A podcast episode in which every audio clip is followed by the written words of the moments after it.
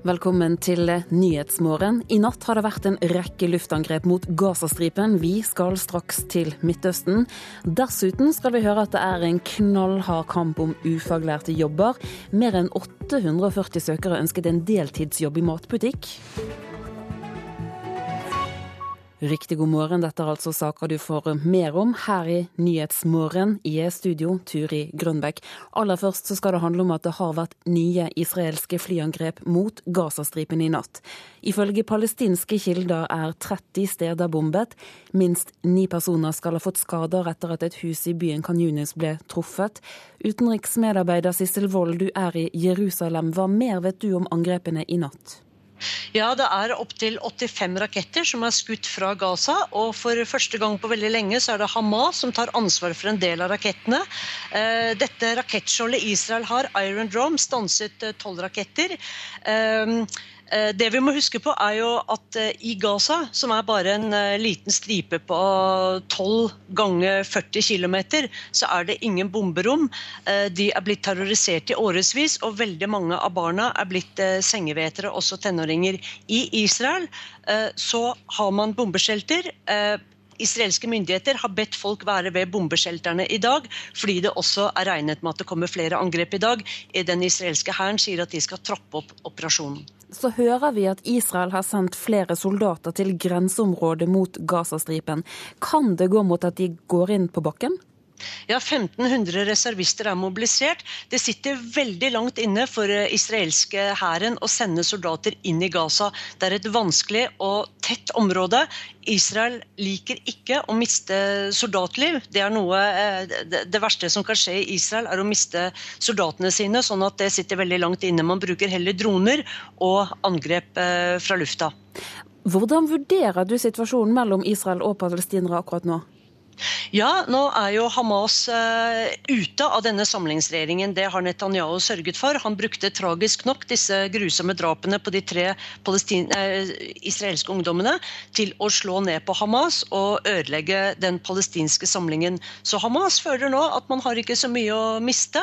Og hvis uh, også Islamisk jihad sender jo en del raketter ut fra Gaza. og Hvis man ikke sender raketter på et år, eller noe, så blir jo palestinerne i Gaza glemt bak de murene hvor de sitter fanget. Hvilke forsøk, forsøk gjøres det på å løse denne konflikten på hva skal jeg si, fredelig vis? Ja, Egypt har vært inne og prøvd å mekle mellom eh, Hamas og Israel. For det er faktisk kontakt innimellom når det er uh, viktig og påtvunget. Men eh, veldig mange av disse uh, tunnelene som er mellom Gazastripen og Egypt, veldig mange av dem er ødelagt. og Det betyr også at det er begrenset hva palestinerne kan smugle inn av våpen. Men Hamas har, som vi vet, raketter som rekker langt lenger enn de som Islamisk jihad har, som er mye mindre raketter. Sissel Wold, takk skal du ha. Og bortføringen og drapet på en palestinsk tenåring vekker sjokk og avsky i Israel. Seks israelske ekstremister er mistenkt for ugjerningene. Men eh, kommentatorer på venstresiden lurer på hvorfor det er slik at noen er overrasket, for de mener at disse rasistiske holdningene har fått utvikle seg over flere år. Why, why should you be surprised? There was uh, an Israeli settler who killed 29 innocent people uh, who are praying in a mosque. Okay, He's, he uh, comes from the same camp, and he is considered to be a saint. Husk at en israelsk bosetter drepte 29 palestinere under bønn i Hebron i 1994, og han anses som en helgen i bosettermiljøet, sier Haaretz tidligere kommentator Hakiva Eldar, og viser til Baruch Goldstein. Og mannen som drepte statsminister Itzak Rabin, kommer også fra det miljøet, så hvorfor er du så overrasket? Jødiske jihadister, jødiske hamasniker og judo-nazister. Det er de nye ordene for å omtale disse rasistiske og nasjonalistiske gruppene. Etter at det ble klart at seks israelske jøder kidnappet den spinkle palestinske tenåringen, helte i ham bensin og satte fyr på ham, har mange israelere gått i seg selv i avisspaltene. Venstresidens avis Haaretz skriver på lederplass at Abu Khadeirs drapsmenn er ikke ekstremister. De er derimot produktet av en kultur av hat og hevn, frembrakt av ideen om en jødisk stat som ser enhver araber som en bitter fiende, rett og slett fordi han er araber. Ekstremismen er også brakt frem av alle dem som satt stille på fotballkampene til Beitar Elite, da alle rundt dem ropte 'død over araberne' mot arabiske spillere. Og også alle de som ønsker å drive araberne ut av landet. Det er ikke lenger nok å straffe gjerningsmennene. Vi må ha en kulturell revolusjon i Israel, der den nye generasjonen utdannes med humanistiske verdier og oppdras til et tolerant ordskifte. Så langt avisen Haaretz. Men i Israel er venstresiden så godt som død politisk sett. Ropet om sikkerhet er kraftigere enn ropet om fred. Og kravet om trygghet er viktigere enn å forsøke vanskelige fredsforhandlinger. When the police here in Jerusalem is always impotent about racist attacks against Palestinians, they think that they have a free license to do whatever they want. Eyal Haruveini tilhører dem som fremdeles demonstrerer mot okkupasjonen. You think that uh, the far-right nationalists have hijacked the agenda because they are the loudest now? Well, they are inspired by the, the government, including by the prime minister. When the prime minister gives a legitimization to the concept of revenge De får aksept for kravet om hevn fra statsministeren. Og når politiet ikke etterforsker rasistiske angrep, mener nasjonalistene her at de kan fare frem som de vil, sier Haruveini. Hvordan Israels oppgjør blir med disse ekstremistene, blir klart når rettsvesenet skal dømme drapsmennene. Og vår reporter i Jerusalem, det er Sissel Wold.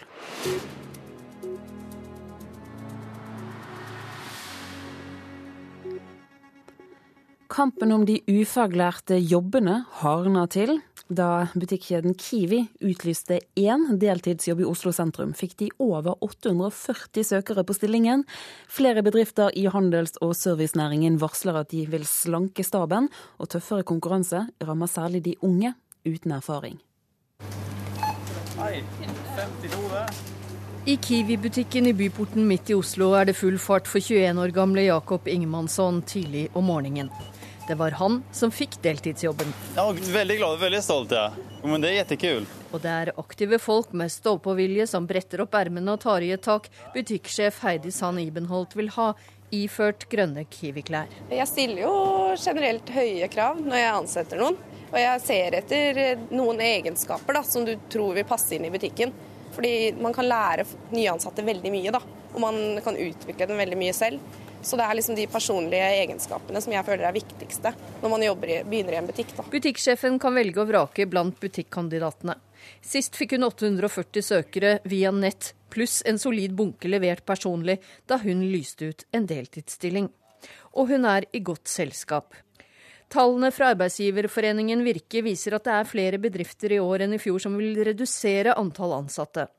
I et utvalg blant 1600 bedrifter vil over 250 slanke staben. Det er 16% av de spurte, og samtidig faller andelen bedrifter som vil ansette flere, mens sju av ti sier de vil beholde staben sin som nå, det neste halvåret. Og i en annen måling har søkemotoren rubrikk.no målt et fall i utlyste stillinger i varehandelen på 16% det siste året, fra juni til juni.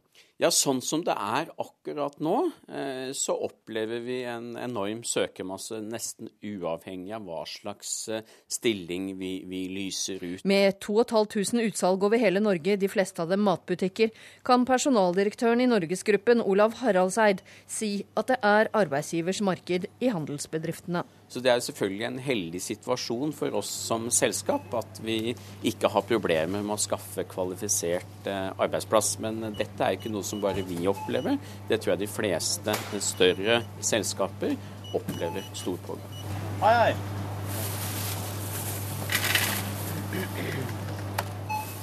Men 21 år gamle svenske Jakob Ingemansson, han er vinneren. Han fikk deltidsjobben på Kiwi foran mer enn 840 søkere. Og han har et godt ja-råd til alle som vil ha en jobb i serviceyrker. Jeg tror at man skal være positiv når man søker jobb. Altså. Vise at man vil ha jobbet. Være glad. Mange sitter og skriver hele dagene at det skal være fint på papiret, men eh, de glemmer å være glade. For en positiv menneske den kan ingen altså, motstå, tror jeg ikke. Ja, men et, et smil og en, eh, en positiv liksom, framåt. Det tror jeg alt man behøver. egentlig. Sen kommer alt etter. Reportere her var Hedvig Bjørgum og Marit Kolberg. Administrerende direktør i organisasjonen Virke, Vibeke Hammer Madsen. Vi hører altså at det var over 840 søkere til en deltidsstilling. Hva syns du om det? Ja, Dette er jo mange søkere. Og for dagligvare, for varehandelen, er det jo positivt at det faktisk er så mange. For det viser jo at eh, det kanskje prestisjen om, om, dette øker, og at vi får en tilgang på kvalifiserte. Men for ungdommen og for sysselsettingen i Norge så er jo dette en, en utfordring. Men det det sier, det er jo at Uh, unge voksne i dag må legge vekt på sine personlige egenskaper. De må legge vekt på kunde- og serviceerfaring, for det er det som ofte uh, etterspørres. Litt sånn som vi hørte på slutten av reportasjen her, med gode råd? Ja, jeg kjente meg igjen. For når vi i Virke er ute og spør våre ledere innenfor bl.a. varehandelen, men også tjenestenæringene, så får vi altså fire svar. Og det ene er viktig med kundeerfaring. Må ha gode egenskaper på service kommunikasjon. Og så vil de gjerne se at de er gode på samhandling. De har kunnet samarbeide på tvers i f.eks. på butikken, hjelpe hverandre. Og hjelpe kunden, ja, det er viktig. Det høres vel og bra ut, men jeg lurer jo på hva det er som gjør at det har blitt så vanskelig å få en ufaglært jobb? Mm.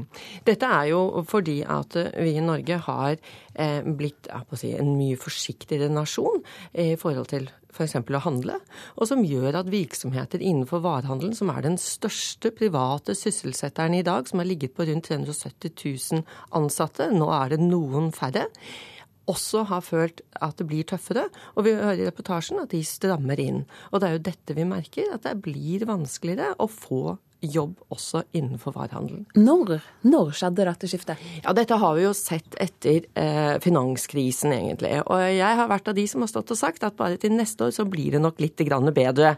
For da tar det seg opp igjen. Nei, det ser ikke slik ut. Det ser ut til at vi er nå på det jevne, og at det er litt status quo, og at vi eh, både som forbrukere, men også bedriftene, er forsiktige med å eh, sette i gang prosjekter, handle for mye. Vi er fortsatt gode på å spare spare. Og det er jo også gode egenskaper. Og da blir det litt sånn at tjenestenæringene og varehandlene de er veldig gode på å tilpasse seg, nedbemanne, bli enda tøffere i kostnadsstyring, men også kunne se på inntektsmulighetene sine. Og så var det dette med unge mennesker, da. Hva kan de tenke på når det gjelder å få seg arbeidserfaring? Ja, konkurransen er kjempetøff. Og jeg tror det er viktig å begynne tidlig. Allerede sånn hva skal jeg si, juletider, hvis du tenker på sommerjobber når du er student. Og senere i din studietid, tenke på tidlig hva er det jeg har lyst til, og legge vekt på at du skaffer deg arbeidserfaring, yrkespraksis. Uansett eh, yrkespraksis er viktig i den konkurransen vi er fremover nå. Og det er ikke alltid sånn at du trenger å ha mange mastere. Det kan holde med at du er mester på det området som du skal jobbe innen. Vibeke Hammer Madsen, takk for at du var med oss her i Nyhetsmorgen. Klokken den har rukket å passere 7.16. Du lytter altså til Nyhetsmorgen i NRK P2 og Alltid nyheter. Hovedsaker nå. Det har vært nye luftangrep mot Gazastripen i natt. Minst ni personer ble skadet. Flere israelske soldater er utplassert på grensen til Gazastripen. Som vi hører, mer enn 840 søkere til en deltidsjobb i matbutikk. Bedrifter vil ansette færre. Kampen om jobbene den blir hardere og bli med oss videre i sendingen, for flere viktige kulturbygg blir stående tomme i Oslo fremover. Arkitekter er bekymret for fremtiden til flere av disse bygningene. I morgen møtes ungdommer fra hele Norge på AUFs sommerleir. Leiren arrangeres ved Gullsrud i Buskerud, det er på sørsiden av Tyrifjorden. Og i år er det tre år siden 69 personer ble drept på Utøya under terrorangrepene. AUF-leder Eskil Pedersen, hvordan skal leirdeltakerne minnes de som ble drept? Først og fremst så skal vi gjøre det 22.07, som vi pleier, med årlige markeringer i regjeringskvartalet og på Utøya. Eh, og eh, denne sommerleiren handler først og fremst om å være på sommerleir igjen og gjøre de helt vanlige tingene. Eh, men det blir også anledning for deltakerne på leiren å besøke Utøya. Det har jo vært mange åpne dager på Utøya de siste tre årene hvor egentlig alle som vil, kan komme eh, og se øya. Eh, og nå gir vi muligheten for leirdeltakerne til å gjøre det eh, på fredag under sommerleiren. Og der vil vi også ha en enkel markering av 22. juli. Hvordan blir det å ha leir i sommer? Det blir først og fremst veldig fint. Fordi at det blir liksom ikke sommer for en AUF-er uten å være på sommerleir. Eh, og det er noe magisk med å samle hundrevis av ungdom fra hele landet som er ganske forskjellig, men som deler i hvert fall noen felles verdier som de tror på. Eh, og eh, de som er på sommerleir, vet at eh, det ikke bare er politikk. Det er det også. Jonas kommer og, både for å tale, men også for å få tydelig beskjed fra ungdommen. Og det skjer mange politiske ting, men det er også fotball, soling, bading. Alt det som ungdom gjør også ellers. Så det er en veldig fin kombinasjon av det. I år så er det på Gullsrud, men til neste år så skal leiren holdes på Utøya igjen. Mange var kritiske til, til det. Hva sier du til dem?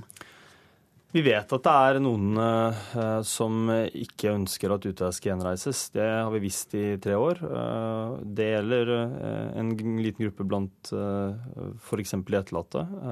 og det er sikkert ulike meninger om det ute i Norge. Men det er samtidig sånn at det store flertallet av etterlatte, berørte, overlevende de mener at det er den beste måten å hedre minnet av 22. juli på. Og ikke la Utøya mm, stå øde, men å finne rom for både å minnes 22. juli på Utøya, samtidig som vi kan finne rom for ny aktivitet. Og Utøya har vært i AUF Seie siden 1950. Der har vi hatt eh, sommerleire. Jeg har vært på sommerleir på Utøya hvert år siden år 2000, og jeg har jo først og fremst gode minner fra Utøya.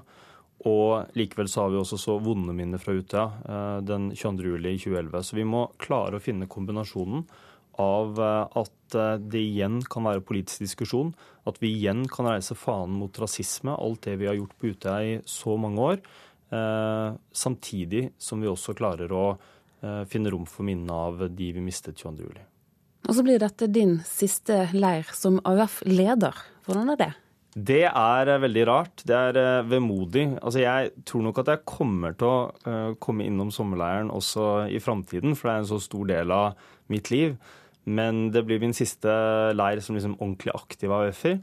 Så nå i disse dager sitter jeg og skriver på talen min, og, og det, da mimrer jeg tilbake på alt jeg opplever på sommerleir. Så tror jeg det også er sunt at jeg ikke skal fortsette å være AUF-leder i, i, evigheten. Men, men litt trist blir det jo. Men jeg gleder meg først og fremst til fine dager. Eskil Pedersen, takk skal du ha for at du kom til Nyhetsmorgen. Så skal det handle om at eh, flere arkitekter er bekymret for fremtiden til flere kulturbygg i Oslo. Store arealer blir stående tomme i hovedstaden, og flere viktige kulturinstitusjoner flytter til nye bygg de neste årene. Ingen vet hva man skal bruke Nasjonalgalleriet og andre historiske bygninger til etter at de blir tømt for innhold. Vi vil oppleve for mange viktige verdige bygg tømt i denne byen. Styreleder i Oslo arkitektforening Erik Collett er bekymra for de historiske kulturbyggene i hovedstaden. De har viktige kulturformål, og de står på viktige steder i byen, slik at Oslos historiske sentrum blir sterkt svekket av dette. I 2018 og 2019 vil nemlig flere store kulturbygg stå ferdig i Oslo. Samtidig går de gamle byggene ut av bruk.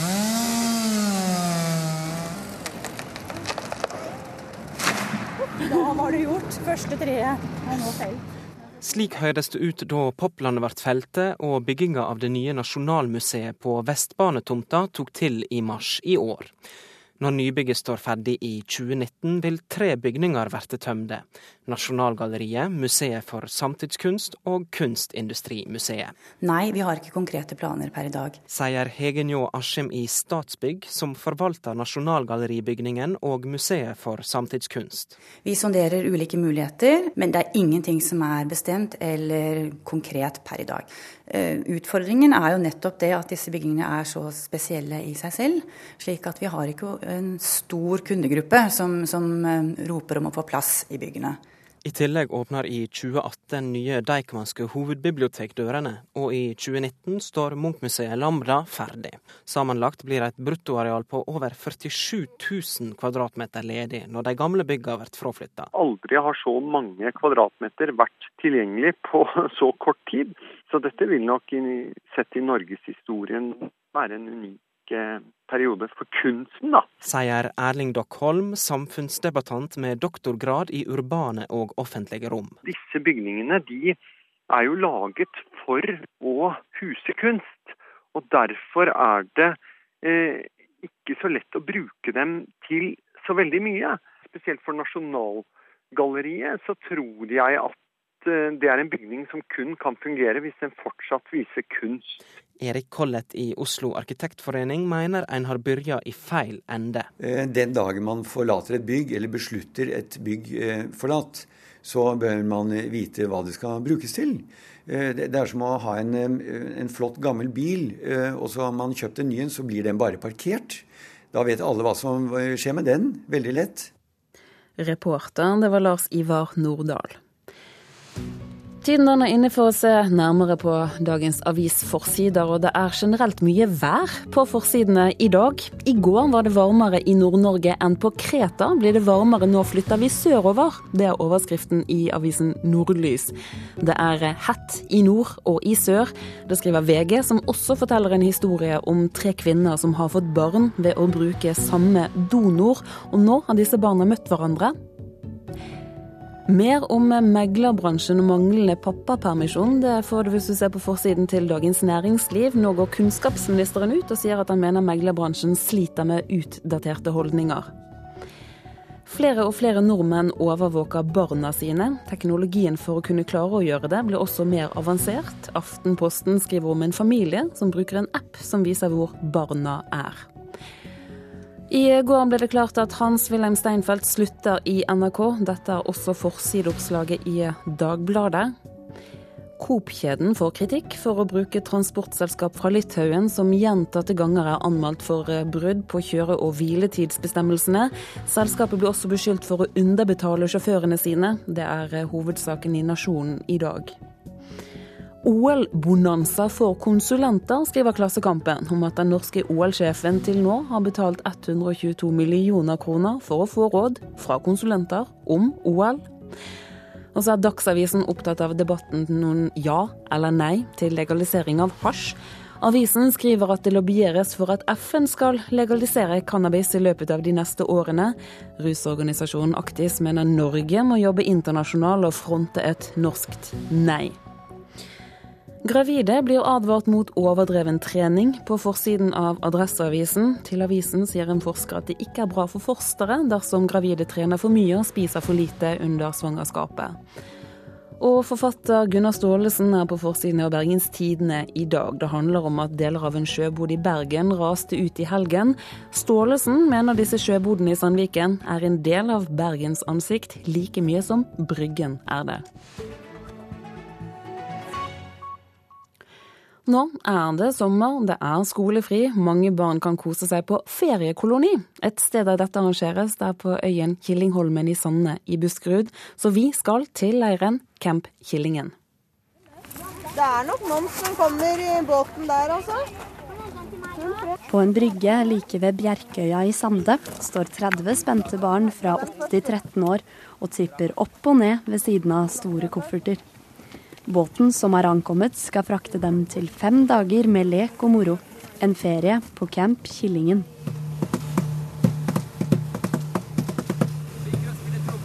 Båtfører Mons Bremstrøm trommer i vei på rattet, mens regnet pisker i takt på ruta. Og barna trekker jakkene sine ekstra godt rundt seg. Han har jobbet på Killingholmen i ni år, og gleder seg til campen. Uansett om det er strålende sol eller regner bøttevis herlig sted å være på. Det er jo like spennende hvert år å møte igjen noen av de kjente barna og noen nye. Sikkert eh, like fint som i fjor. Lederen er på plass, så alt ligger til rette for en kjempesommer. Fremme på øya lastes bagasjen av, og lederne tar imot de nye beboerne. Camp Killingen drives av Kirkens Bymisjon, og i år er det tre uker med sommeraktiviteter i regi av organisasjonen. Noen av barna har allerede pekt seg ut hva de har lyst til å gjøre. Men først skal alle samles for å ønskes velkommen. Hei, alle sammen. Hei. Veldig hyggelig å se alle de vi har sett før. Og så er det veldig mange nye fjes også. Er det første gang dere er på Kyllingen? Ja. Nei. Nei, du har vært der før? Nei. Nei da. Du har vært her før? Jeg har vært her um, Det her er mitt tredje år. Tredje år. Hvorfor har du lyst til å komme tilbake? Siden det er så fint her. Ja. Jeg liker det her, og det er veldig hyggelig voksne her. Og så er det fint å møte nye folk. Og du da, det er første gang du er her? Ja. Hvorfor hadde du lyst til å dra hit? Jeg liker å sove over. Hva er det beste å gjøre? Fotballturnering, da. Siden jeg liker å spille fotball. Ja. Er det bra ferie å være her? Ja, det er det. Og mens barna har ferie, har lederne sommerjobber her. Men Victoria Fivelsa sier at hun tenker på jobben som en ferie, hun også. Veldig givende. Man har det gøy hele tiden hver dag. Jeg har inntrykk av at alle barna trives veldig godt. Man Jeg får syns det er kjempemorsomt å være her. Det er bra. Du bekrefter det. Ja. Eh, selvfølgelig får de hjemlengsel av og til, men eh, stort sett så har de det veldig fint. Koser seg. Reporter her var Anna Kristine Valdehaug. Og du lytter til Nyhetsmorgen i NRK P2 og Alltid nyheter. Vi skal straks gjøre oss klar for å høre siste nytt fra Dagsnytt. Produsent for Nyhetsmorgen i dag, det er Elin Pettersen. Her i studio, Turi Grønbekk.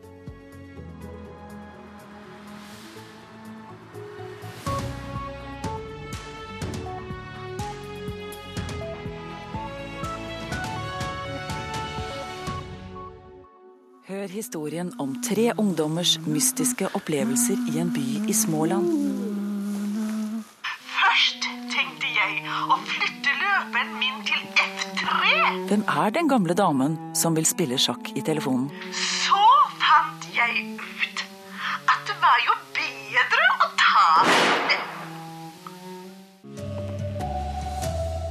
Kampen om jobbene blir hardere. Flere enn 840 søkere til deltidsstilling i matbutikk. Israel med nye åtak mot Gazastripa.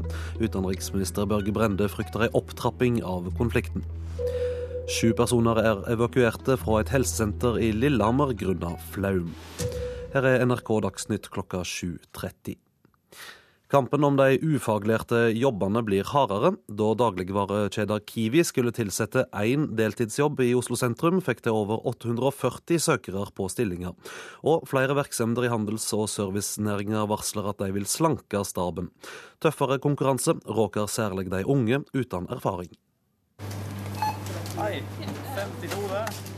I Kiwi-butikken i byporten midt i Oslo er det full fart for 21 år gamle Jakob Ingemannsson tidlig om morgenen. Det var han som fikk deltidsjobben. Ja, veldig glad og veldig stolt. Ja.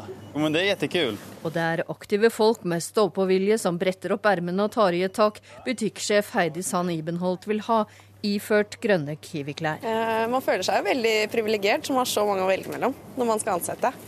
Så det er veldig gøy. Butikksjefen kan velge og vrake blant butikkandidatene. Sist fikk hun 840 søkere via nett, pluss en solid bunke levert personlig da hun lyste ut en deltidsstilling. Det er nok rekord, ja. Så det er ganske vilt. Ja. Og hun er i godt selskap. Tallene fra arbeidsgiverforeningen Virke viser at det er flere bedrifter i år enn i fjor som vil redusere antall ansatte. Og samtidig faller andelen bedrifter som vil ansette flere, mens sju av ti sier de vil beholde staben sin som nå, det neste halvåret. Dette er jo den største sysselsetteren innenfor privat sektor, så vi hadde jo trengt eh, at det var flere jobber som kom. Men jeg tror ikke det. Arbeidsgiverforeningens konjunkturundersøkelse viser en trend som er klar, sier administrerende direktør Vibeke Hammer-Madsen. Vi har blitt mer forsiktige, og jeg tror at det er kommet for å bli. Men det blir altså da en del som nok eh, opplever det vanskelig å komme inn i arbeidslivet. Reporter Hedvig Bjørgum og Marit Kolberg. Israel har sendt flere soldater til grenseområdet mot Gazastripa, opplyser det israelske forsvaret. I går skjøt Hamas minst 80 raketter mot Sør-Israel, og Israel svarte med å bombe flere mål på Gazastripa i natt. I kveld blir det fest. Folk i Gaza kaller israelske angrep for fest, fordi bombingen starter etter midnatt. Men folk er redde for nok en krig mot byen. Det sier Hamada Hamada til NRK. Han er frilansjournalist og har jobbet for flere vestlige medier. På TV-bildet fra nyhetsbyrået Reuters ser vi folk som betrakter ødeleggelsene etter nattas angrep. Israel bombet over 30 mål på Gazastripen i natt, som et svar på at det i går ble skutt over 80 raketter fra Gazastripen mot Israel. Den israelske hæren sender nå stridsvogner, soldater og annet utstyr mot grensa til Gazastripen. Vi har kalt inn eh, et et begrenset antall reservesoldater. Det sier talsmann for det israelske forsvaret, Bjørn Herman. Vi nå er forberedt og frykter en videre eskalering, med over nesten en million israelere som sitter i tilfluktsrom siden helgen. Situasjonen er nå svært spent i de palestinske områdene og Israel, etter drapene på én palestinsk og tre israelske tenåringer. Eh, det er rett og slett en reell fare for at dette kan eh, ende i en ny intifada. Det sier utenriksminister Børge Brende, som i går møtte FNs generalsekretær Ban Ki-moon. De er begge dypt bekymret og ber lederne for palestinerne og israelerne om å møtes for å prøve å løse konflikten. Abbas og Netanyahu må nå snakke sammen. Og det er så sterke følelser på begge sider at eh, det er viktig at eh, lederne kommer sammen, og at man eh, kan ta opp igjen fredsprosessen. Reporter Ingrid Marit Kolstad Bråten. Og utenriksmedarbeider Sissel Wold, du er i Jerusalem, og hva mer vet du om åtakene i natt? Ja, For første gang på lenge så har Hamas tatt, angrep, eh, tatt ansvar for eh, en del av disse angrepene. Ofte så er det jo islamisk jihad som skyter. Hamas har ikke noe å miste nå, siden eh, Benjamin Netanyahu, Israels statsminister, eh, sørget for at samarbeidet og samlingen mellom Hamas og Fatah ble eh, ødelagt. Eh, Fatah var på vei inn i varmen Hamas, og, og, dermed så har Hamas ingenting å, å miste. Og så er det rakett disse tunnelene som han har smuglet raketter i, de er dels ødelagt, sånn at når det skytes ut, så er det vanskeligere å fylle på lagrene i Gaza. Og så har Israel sendt flere soldater til grenseområder. Kan det gå mot en bakkeinvasjon? Det er veldig liten appetitt i Israel for å sende soldater inn i Gaza, som er et veldig uoversiktlig område hvor det lett kan gå liv. Så kanskje er dette et signal, mobiliseringen i seg selv. 1500 reservister er uh, kalt opp til, uh, til at, at, at, at, situasjonen eskaleres. Den israelske hæren sier at de kommer til å trappe opp uh, operasjonen. Hvordan vil palestinerne svare på åtakene i natt? I Gaza så er det en helt fortvilet situasjon. Folk har sittet innesperret der i tiår. Man får eh, lite varer inn. Når hus ødelegges, er det vanskelig å få sement inn for å bygge opp. Eh, det er en hel generasjon barn nesten som er sengevetere nå, for dette er en sånn psykologisk terror også. Det er smell og angrep hele tiden på dette bitte lille området. Takk skal du ha, utenriksmedarbeider Sissel Wold, med oss fra Jerusalem. I dag får eh, Varg Vikernes vite om han må i fengsel for å oppmoe til rasehatt og for å ha rettferdiggjort krigsbrottsverk. Vikernes risikerer opptil seks måneder i fengsel og over 40 000 kroner i bot. Han ønsker, som han har sagt tidligere, ikke å snakke med NRK om saka. Jeg snakker ikke med NRK fordi dere bare rapporterer løgner og negative ting. Takk. Vikernes stiller seg uforstående til anklagene om oppfordringer til rasehat og forherligelse av krigsforbrytelser. Han sier han ikke har publisert disse tekstene på bloggen sin, som også er stridsområde i rettssaken. Fransk politi mener han via bloggen sprer rasistisk tankegods, og aktor ber om fengsel i fire til seks måneder og minst 42 000 kroner i bot. Tross en broket ideologisk fortid nekter Vikernes for at han er rasist eller nazist, og han nekter også straffskyld. Vikernes og kona ble i fjor arrestert mistenkt for terrorplaner etter et innkjøp av flere rifler. De to har sammen med barna bodd på et småbruk sentralt i Frankrike de siste årene. Noen terrorplaner ble aldri bevist, og siktelsen ble endret til bl.a. oppfordring til rasehat. Det er organisasjonene SOS Rasisme og Den internasjonale liga mot rasisme og antisemittisme som står bak. Reporter Jo Grunde Gudbrands. Mykje regn skaper problem flere steder på Østlandet. I Lillehammer er sju personer evakuerte fra Lillehammer helsehus. Det forteller vakthavende brannsjef Magne Marstein. Der har vi måttet begynt å evakuere folk. Der der renner nærmest en eh, elv som renner igjennom på en etasje der. Den har vi da fått tak i gravemaskin som skal prøve å komme der og lede vekk vannet. E6 i Oppland er stengt i begge retninger ved Langvik i Øyer grunnet flaumen, og Statens vegvesen rår bilister til å unngå å kjøre Gudbrandsdalen og heller velge Østerdalen. Riksadvokaten vil be Romerike-politiet om en nærmere forklaring, etter at det før helga kom fram at politimeisteren har sendt ut en instruks om ikke å etterforske småkriminalitet. Det skriver Dagbladet. Instruksen, instruksen kommer fordi politidistriktet har rundt 3000 alvorlige saker de sliter med å komme a jour med. I kveld spiller heimenasjonen Brasil semifinale mot Tyskland i fotball-VM. Brasil må klare seg uten kaptein Thiago Silva og stjernespilleren Neymar. Denne tidligere engelske toppspissen Gary Lineker mener likevel nærmest er umulig å spå hvem som vinner. Det blir selvsagt en veldig viktig kamp. Å spille mot vertsnasjonen er en stor ære og en stor utfordring.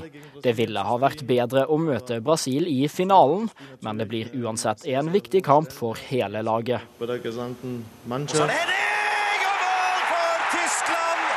Tysklands Bastian Schweinsteiger vet at de møter et Brasil-lag som av mange ble nevnt som de største favorittene før mesterskapet. Brasil opp til 2-0! Brasil er på vei mot semifinalen! Men den alle snakket om før turneringen, var Neymar. Han er skadet, og en av hans potensielle erstattere, Bernard, sier at det er noe gruppen merker. Det er ikke bare et tap pga. spilleren, men også pga. personligheten. Han er en fantastisk person. Han bringer glede til gruppen, smiler alltid og gir oss selvtillit. Men vi må holde roen og ikke få panikk, for vi vet at vi har spillerne som kan erstatte ham. Ja, Brasil-Tyskland den kan du høre i kveld på P1 fra klokka 21.45. Reporter Henrik Agledal. Ansvarlig for eh, denne sendinga var Astrid Randen. Teknisk eh, ansvarlig Hanne Lunås, og her i studio Vidar Eidhammer.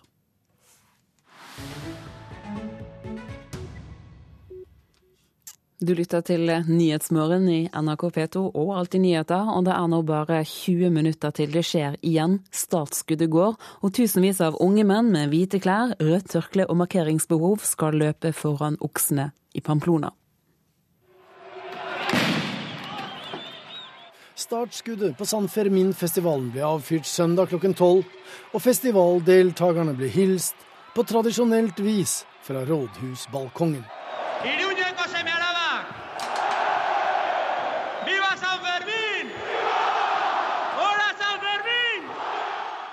I går løp de.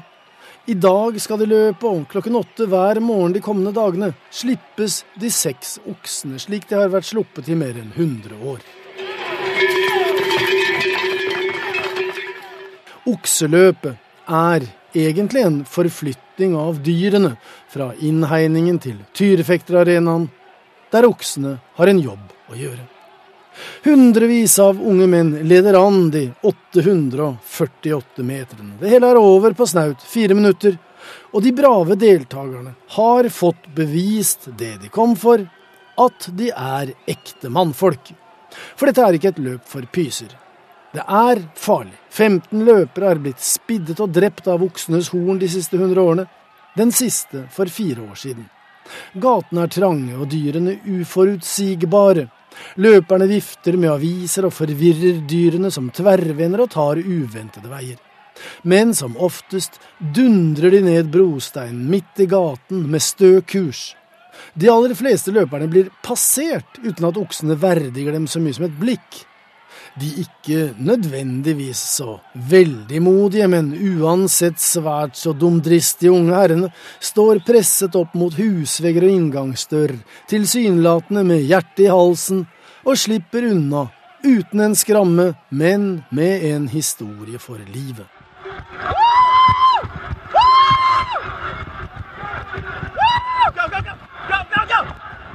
De fleste av dem som blir skadet, 50 i fjor, er ikke borti oksens horn i det hele tatt, men de snubler i kaos og faller og blir løpt over av de skrekkslagne oksene. For manndomsprøven er kontroversiell. Løperne vet hva de gjør og hva risikoen er i de smale gatene, og de er der frivillig, men dyrene har ikke noe valg. De er på death row og skal selv spiddes av en matador ved løpeturens slutt, og vel så det. Dette er det mange som misliker, og dyrevernere protesterer hvert år mot det de kaller dyremishandlingen i Pamplona. Men til nå forgjeves, selv om det eksisterer et regelverk som skal ta hensyn til oksenes velferd. Helt siden Ernest Hemingway skrev om festivalen i sin roman 'Og solen går sin gang' i 1926, og for nordmenns vedkommende Erling Gjelsviks 'Dødt løp' i 1978, så har San Fermin tiltrukket seg våghalser fra en hel verden. Men selv om okseløpet kanskje er hovedattraksjonen og bidrar sterkest til at nærmere én million turister hvert år besøker festivalen i den nordspanske byen med 300 000 innbyggere, så er selve San Fermin-festivalen så mye, mer. Den går tilbake til middelalderen og ærer nettopp Fermin, som døde i år 303 og angivelig var Pamplonas første biskop, og nå er hele Navarras skytshelgen. Det var fra gammelt av en religiøs fest med prosesjoner og opptog, messer og møter, men mest av alt er San Fermin nå en fest. Riktignok med fyll og narkotika, prostitusjon og kriminalitet, men en ni dager lang folkefest med enorme mengder rødvin, og altså et forunderlig kappløp mellom mennesker og dyr. Reporter her, det var Joa Hoel Larsen. Du lytter til Nyhetsmorgen. Hovedsaka denne tirsdagsmorgen handler bl.a. om at det har vært nye israelske luftangrep mot Gazastripen i natt. Flere israelske soldater er utplassert på grensen til Gazastripen nå. Så er det en knallhard kamp om ufaglærte jobber. Mer enn 840 søkere ville ha én deltidsjobb i matbutikk. Og i dag får Varg Vikernes vite om han må i fengsel for å ha oppmuntret til rasehat. Det, I Nyhetsmorgen nå så skal det handle om denne pappapermisjonen som ikke har fått fotfeste i meglerbransjen. Lørdag skrev Dagens Næringsliv om meglerhus som betaler pappaer for å si fra seg permisjonen. I går gikk meglerveteran Jan Peter Sissener ut og sa at eh, pappapermisjonen bør avvikles for små konkurranseutsatte virksomheter. Og Sissener står nå i Nyhetsmorgens studio. Du driver et meglerhus med åtte ansatte. Hva er det som gjør at du tenker at det er viktig at små bedrifter kan unngå lange pappapermisjoner? Det er eh, mange årsaker til det. Gjerne korrigere, det er et forvaltningsselskap og ikke et meglerfirma. Men eh, vi har Det er en liten virksomhet som er veldig avhengig av den kompetansen som vi har ansatt. Vi bruker lang tid på å trene opp denne kompetansen. Kanskje et år, to, tre, hvis vi tar nyutdannede. Det er ikke enkelt, eller nesten umulig, å erstatte folk som da skal opp og dette gjelder permisjon uansett. Eh, men ti ukers permisjon er ekstremt vanskelig å finne. Du kan ikke ringe et vikarbyrå og si nå trenger jeg en analytiker som dekker eh, verkstedsektoren eller farmasiselskaper eller noe sånt. Og det fungerer ikke. Det vil si at vi da vil eh, kundene at the end of day, vil lide pga. hvor manglende kompetanse i den perioden. Men hjelp, hjelp, oss å forstå hva det er som gjør med akkurat denne bransjen som gjør at permisjoner blir vanskelig. Det, det, er ikke noe spesielt med den bransjen. Det er det samme for all kunnskapsdreven virksomhet. Et tannlegekontor hvor tannlegen tar fri i ti uker, da er det ingen pasienter som får hjelp. Og det, Sånn kan du fortsette i ethvert eh, kompetansedrevet miljø hvor det er mindre, det mindre virksomheter med tre til fem ansatte. Det er vanskelig, og det må krever tilpasning mellom, mellom, de ansatte og virksomheten. Så hva er ditt forslag til løsning på f.eks. pappapermisjonen? Altså, pappapermisjonen må være basert på frivillighet. Eh, vi har som et av de mest sjenerøse landene i verden innvilget en betydelig permisjon i forbindelse med fødsler. Den må da være tilpasset virksomheten så langt som det er mulig. Da skal vi gi ordet til eh, stortingsrepresentant for SV Heikki Holmås. Dette bør baseres på frivillighet, hører vi her. Hva får det deg til å tenke? Altså En av hovedpoengene med pappapermisjonen, og vi innførte den, og jeg har kjempet for den siden begynnelsen av 2000-tallet, og sørge for at uh, mer pappaperm skulle øremerkes til far, det var nettopp for å tvinge bedrifter til å, til å legge til rette for ansatte som får unger. Særlig så så vi at dette var et problem på mannsdominerte bedrifter. Fordi at uh, vi mener at menn skal ha anledning til å ta ut pappapermisjon, og det skal være mer likt om du ansetter en kvinne og en mann. Uansett skal det nemlig forventes at begge eh, partene tar ut permisjon. Og det siste han sier, eh, det er jo en mannsdominert bedrift. Der, eh, der, sier man at vi ønsker ikke at folk skal være hjemme i, i pappaperm, for det er store problemer for bedriftene. Og det skjønner jeg. Men mener han da at dette også er et problem når kvinner er ute i permisjon? Sissener, mener du det? Nei, eh, Nei, Det er mye lettere å forholde seg til en permisjon som varer ett år. U ulempen med kvinnen er at du vet ikke om den skal vare ett eller to år. Og det er klart at Hvis du skal øke antall ansatte for å erstatte en kvinne, så du vil ikke greie å attrahere de beste kreftene, og det er veldig konkurranseutsatt. De beste kreftene, hvis du sier at ja, du kan få ett års engasjement med muligheten til forlengelse dersom en annen person ikke kommer tilbake, da vil den du ansetter, vil til enhver tid søke en fast stilling, for det ønsker folk av mange årsaker. Men, men, dette er jo det håpløse. Altså Hvis vi har en bedrift eh, som, eh, som, sier at vi syns det er et problem at, eh, at, folk går ut i permisjon, da sender du ut to signaler. For det første sier du til alle unge menn at vi ønsker egentlig ikke at du skal ta ut pappaperm. Og for det andre så sier du til alle nyutdannede kvinner at her på denne bedriften hos oss, så er ikke du egentlig velkommen, fordi vi regner med at du tar ut lang fødselspermisjon. Det er jo akkurat derfor jeg sier at man kan forholde seg til ett år. Men det er ti uker, det er en umulighet. Men hør, meg og min kone f.eks. Vi kommer til å ta ut 23 uker hver. Det er strålende. Det bare viser at politikerne har et system. Alle på Stortinget, du er en stortingsrepresentant, dere har en varamann som kan hoppe inn, og som er oppdatert. Slik er det ikke i mindre bedrifter. Det er ingen hos meg som har en varamann som kan hoppe inn. Det som er fordelen hos oss, siden vi er et forvaltningsmiljø, det er at dagens teknologi gjør at man kan jobbe hjemmefra. Man kan følge med, man kan holde seg oppdatert, man kan foreta sine analyser. Men der hvor du er avhengig av å møte kunden, så er ikke det tilfellet. Og En tannlegevirksomhet som har en tannlege som skal ta permisjon, den går dukken. Så enkelt er det. Men altså, alle skjønner at i mindre bedrifter så er det større problemer når du har folk som er ute i permisjon. Og der tror jeg at vi er enige alle sammen. Der er vi enige. Ja. Men poenget er at Sistnevær sitt utgangspunkt er da å si at derfor så må mor være hjemme lenge, istedenfor at far skal være hjemme. Men vi har altså denne pappapermen. Det kan være omvendt. Ja, så Du mener altså det er greit. Så du ønsker altså hjertelig velkommen eh, menn som tar ut ett år i permisjon på din bedrift, og det signaliserer du tydelig, mener du, gjennom de intervjuene du gir i avisen? Eh, jeg er ikke blitt spurt om det spørsmålet, men når du stiller det der, det spiller ingen rolle for oss. Det vi er opptatt av, er kontinuitet blant de ansatte. Om det er en kvinne eller mann, er helt uinteressant. Har du kvinner som er ansatt hos deg? Ja, jeg har én. Og det skyldes ikke at vi ikke er villige til å ansette flere kvinner, men det, det er sånn det er blitt. Det er, og det ser vi når vi søker. Det er vesentlig færre kvinner som søker enn det er menn. Altså ratio 1 til 10. Det er jo klart at Dette handler jo om utdannelse, men det handler jo også om kultur i bransjen. Det er jo ikke noe tvil om at eh, når eh, du har eh, ledere som, eh, og invest, sånn som investoren Jan Haudemann Andersen, som, som, sa at han ikke liker å se menn som triller barnevogn, du har eh, ledere som Sissener som sier at det er et problem for bedriften eh, når eh, menn tar ut pappapermisjon og de burde jobbe og vi burde legge til rette for barnepass. Så sender ikke det ut noen signaler om at man har en bransje som er innstilt på å ta den jobben det er, og sørge for likestilling mellom kjønn på arbeidsplassen. Ja, det er noe med signalet her, for i dag går også kunnskapsministeren ut og sier at signalet fra meglerbransjen er at det er håpløst utdaterte holdninger. Er det det? Jeg syns ikke det. Det er mer en praktisk tilnærming til eh, en velferdsordning. Det er, er, har ikke noe med holdninger å gjøre. Det har med et, si, et konkurranseparameter. Og det er dessverre slik, hvis du nå tar meglerbransjen, som er litt forskjellig fra min Hvis du er et liten meglerfirma, par-tre meglere og kanskje et titalls ansatte totalt Hvis en da forsvinner i ti ukers permisjon, og så en skal kanskje være borte på syk, bli syk, så er virksomheten knust to tredjedeler av inntektene er forsvunnet. Og det er ikke, dessverre ikke slik.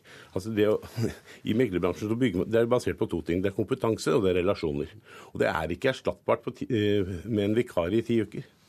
Men uh, den dagen uh, du uh, Sisna, går ut og sier i intervjuene dine istedenfor å si at vi ser helst at menn lar være å ta ut pappapermisjon Hvis du istedenfor går ut og sier vi mener at menn som ansettes hos oss, vi skal legge til rette for at de kan ta et halvt års permisjon eh, i forbindelse med fødsel, og vi ønsker kvinner og uh, menn hjertelig velkommen til bedriften vår på, på de vilkårene, da bidrar du konstruktivt til samfunnsdebatten istedenfor å være en bremsekloss, sånn som jeg oppfatter at du er i dag. Altså, det var jo synd hvis jeg skulle være bremsekloss. Jeg bare prøver å vinge det som var Jeg hadde to formål med å la meg intervjue på dette. Det ene var å be, prøve å beskrive hvordan dette skaper problemer i kunnskapsdrevne mindre virksomheter. Og det andre er å oppmuntre til fleksibilitet. Er det det som er utgangspunktet ditt? Altså Rett og altså, slett at det er for lite fleksibelt sånn som det er i dag? Jeg syns at når man eh, straffer de som ikke tar ut pappapermisjon på pungen, og det er jo det man de facto gjør, for da får de ikke full uh, stønad, ja, så, uh, så, er det uh, feil. Er, jeg vil til og med kalle det urettferdig. Nei, Det er jeg uenig i. fordi at vi gjør jo dette. Dette er jo en offentlig velferdsordning, et gode for å oppmuntre til noe som er viktig for samfunnet. Den ene tingen som er bakgrunnen, og som er viktig for samfunnet, det er at barn får mer tid sammen med sine fedre. Jeg er møkk lei sånne intervjuer i Dagens Næringsliv med næringslivsledere som kommer etter kull nummer to med barn og sier at vi skulle brukt mer tid sammen med barna i det første, første ekteskapet. Det andre er for at far skal ha muligheten til å være sammen med barn, og det tredje er for at kvinner og menn skal bli sett på som likeverdig arbeidsplass på, på arbeidsplassen. Sist, det du kort replikk helt til slutt. Nei, altså, Jeg syns ikke dette endrer på det jeg har sagt i det hele tatt. Vi ønsker kvinner velkommen. Jeg syns det er mye lettere å håndtere ettårspermisjoner enn tiukerspermisjoner. Og det, er, det som gjelder for oss, er jo forutsigbarhet. Det er, så enkelt er det. Sistnør og Heikki Holmås, takk for at dere var med oss her i Nyhetsmorgen. Vi er nemlig nødt til å gjøre plass til vår sommerserie.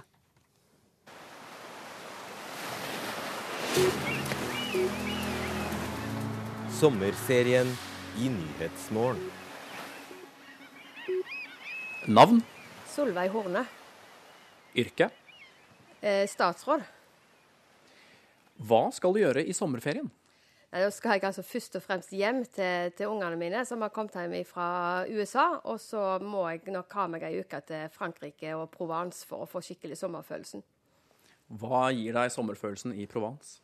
Nei, Det er varmen, det er kulturen, det er ikke minst vinen og, og, og havet og det å bare kunne slappe av med ei bok på ei strand i Provence, det er livet.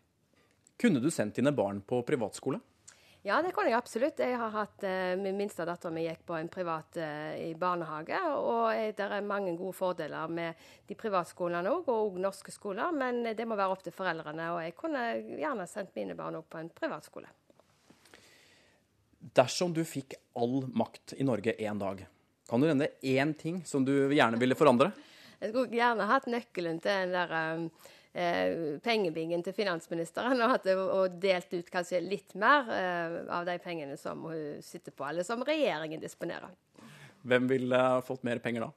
Nei, Da ville jeg selvfølgelig gitt litt ekstra til meg sjøl, til, til, de eh, barn og unge som trenger det i dette landet. og Det, men eh, vi skal klare å få det til uansett om jeg ikke har nøkkel til det pengeskapet. Nevn én person som du gjerne ville hatt i eh, partiet ditt. Jeg kunne godt tenkt meg å ha hatt uh, han Tor Mikkel Wara tilbake igjen. Han er en, uh, det er vel en person som jeg kanskje sier at jeg savner i partiet, men han er der jo bak i kulissene. Så, men som aktiv politiker ja, hadde det vært spennende. Nevn én person uh, du ikke kjenner, som du gjerne kunne delt en kurv jordbær med. Nå Etter de siste ukene så har jeg kommet på at det må være hun der Gudrun Schyman, en svensk feminist, som jeg gjerne kunne godt hatt en prat og delt en kurv jordbær med. Hvorfor akkurat henne? Nei, for at Hun har fått noen meninger om meg som person og om Fremskrittspartiet. Så har det vært greit å kunne avklare eller oppklart med, med rundt ei korg med jordbær. Ja, Hva er det hun tror som er feil?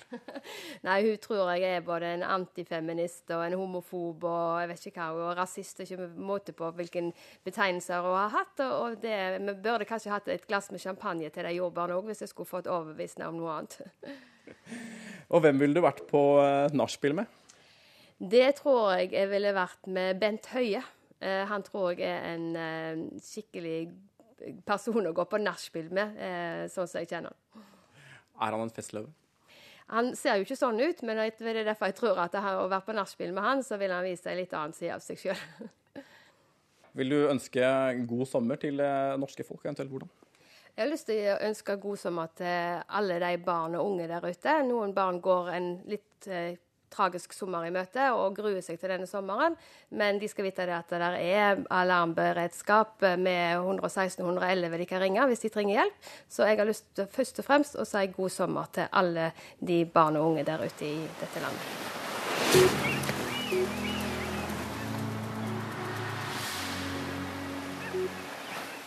Og reporter her, det var Halvard Norum. Her i Nyhetsmorgen nå så skal vi ta med oss et værvarsel som gjelder frem til midnatt. Fjellet i Sør-Norge får liten kuling utsatte steder i høyfjellet i kveld. Det blir enkelte regnbyger, vesentlig i østlige fjellstrøk. I Langfjellet der blir det byger, vesentlig fra utpå ettermiddagen. Østlandet, Telemark i kveld nordøstlig frisk bris på kysten. Enkelte regnbyger. Fra i ettermiddag økende bygeaktivitet og utrygt for torden.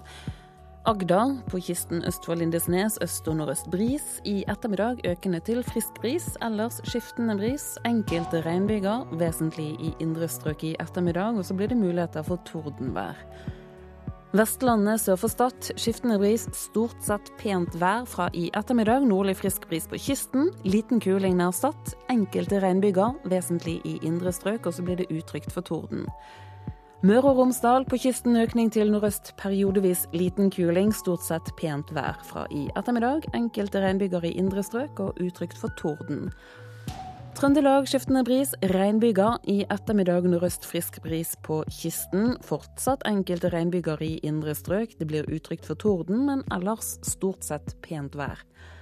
Nordland, Troms får eh, skiftende bris. Det blir solgangsbris på kysten i enkelte fjordstrøk. Det blir eh, pent vær, men mulighet for tåke ytterst på kysten.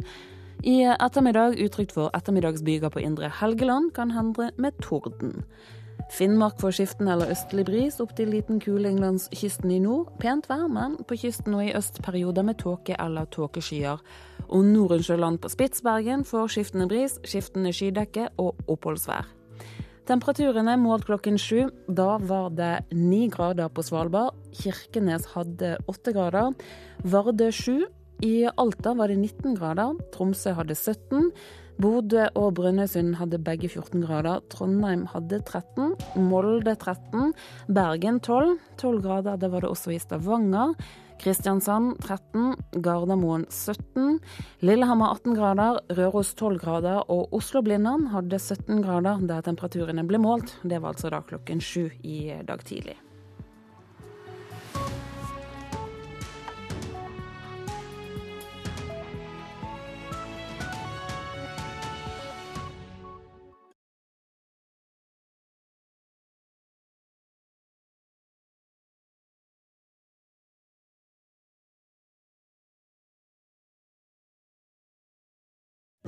Hør flere podkaster på nrk.no podkast.